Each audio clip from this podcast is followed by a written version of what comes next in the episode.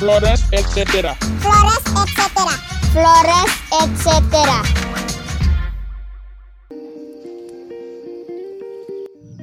Halo sobat pendengar semua, saya Valentino Luis kembali hadir di Flores Etc. Sebuah podcast berisi obrolan ringan bersama orang-orang Flores. Di episode kedua ini saya berpindah ke Larantuka menjumpai seorang tokoh. Beliau ini orang nomor satu di Flores Timur.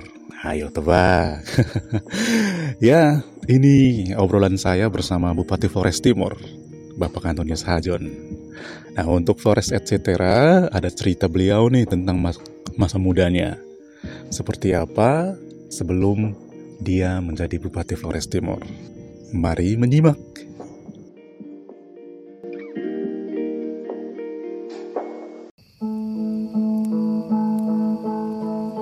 Saya sebelum jadi bupati saya penangkar.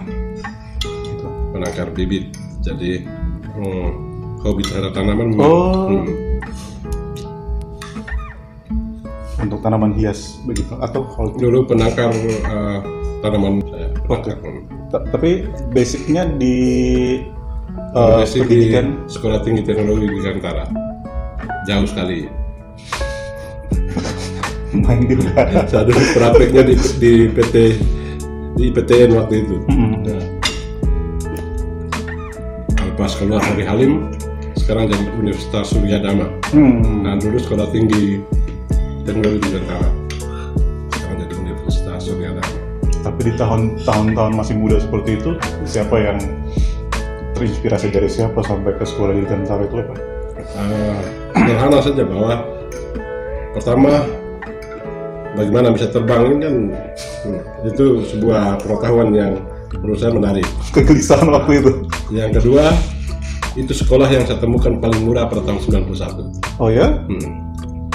Kami kan uh, ya 9 11 bersaudara ya. Hmm. waktu kuliah tahun 91 itu kakak-kakak ada berapa orang yang kuliah tiga orang kuliah Hmm.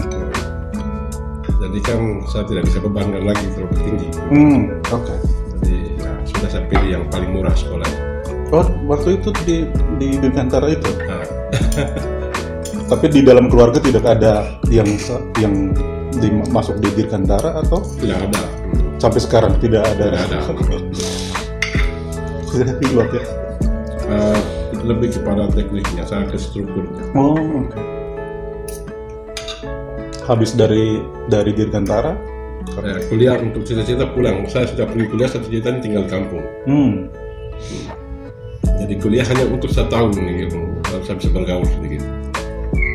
Bapak dari berapa anak yang keberapa? Dari Tujuh. Tujuh dari sebelas bersaudara. ya. Di kuliah untuk pulang kampung. Iya, waktu itu kuliah selama Oh, pulang itu kita pas di marah-marah waktu itu. Sekarang saja anak-anak kalau ya zaman itu ya saya pulang tahun 2007 itu kan orang tua masih marah-marah. Hmm. Pulang buat apa? Oh iya. Ya, Iya. sudah kuliah di situ. Kemudian itu kan kerja di sini tidak ada. Pulang ke Batu juga. ya kemudian membentuk kita jadi hari ini. Nah, nah. Buat cita-cita jadi petani tahun 97 kemudian orang tua marah-marah mau buat mau buat apa di sini? Sudah saja jadi petani saja pilih mente pilih mente tanam jagung tanam padi. Hmm. Ke- itu tanah kebun di langsung di belakang itu? Di di sebelah tidak. atas atau? Kebun sebenarnya di belakang rumah itu di belakang di belakang kampung. Tapi waktu itu mente kampanye banyak itu di Tanjung. Oh yang oke. Hmm. sehingga setiap hari ya ketika musim mente harus pergi pilih tetapi kan petani ternyata berat hmm. tulang kita dengan tulang orang tua mereka dulu. Nah. Tulang bukan tulang Hmm, organik. Iya. Kalau mereka bisa duduk berjam-jam, kita tidak bisa. Iya, iya. Nah, Jadi minta ampun juga akhirnya ya sudah pas tes jadi wartawan eh, pendidikan kewartawan Poskupa, Hmm.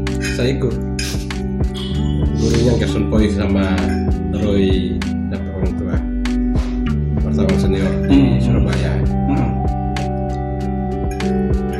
minggu pendidikan kemudian dinyatakan lulus gitu. Jadi wartawan perkutang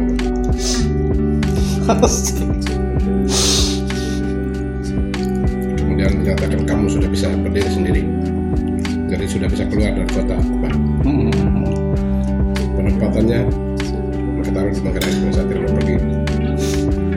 Oke, kalau kamu tidak mau ya sudah. Akhirnya saya keras kepala terus tuh. Hmm.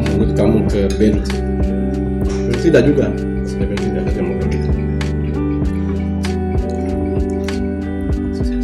pilihan hanya dua tempat saja karena saya punya cita-cita hidup di Larantuka maka pilihan saya kalau bisa pindah di Larantuka atau di Kupang di Kupangnya saya masih bisa karena saya bisa bangun jaringan Hmm. Nah, tapi saya akan kembali ke Larantuka mereka tidak mau ya sudah saya kumpul satu tas pulang Oh. Nah, karena memang untuk hidup kita harus tentu- tentukan dulu di mana kita hidup, baru Betul. kita bisa kerja. Betul, betul, betul.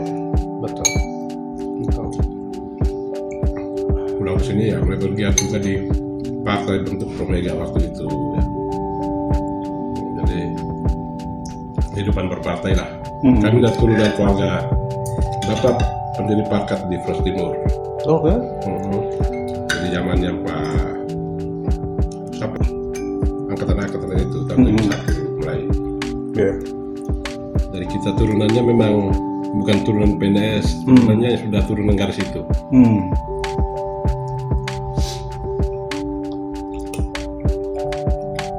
Bapak pendiri SMA satu Pengasus dulu di sini. Di mana tuh sekolahnya? sekolah pertama di Fros Timur untuk SMA. Untuk SMA. Lokasinya di? Sudah banjir bawah, dilarang juga. Hmm. Selain tanam-tanaman, ke hobi yang lain atau interest yang lain? Musik atau apa begitu? Bapak? Tidak, musik saya penikmat. Aha. Hmm. Segala jenis aja. Hmm, musik saya penikmat. Dari ketua partai baru jadi bupati ini. PDI. PDI. Hmm.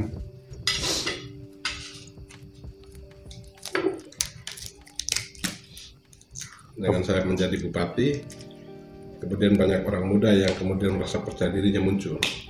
Ternyata orang muda bisa, orang muda yang biasa-biasa juga bisa. Iya, betul.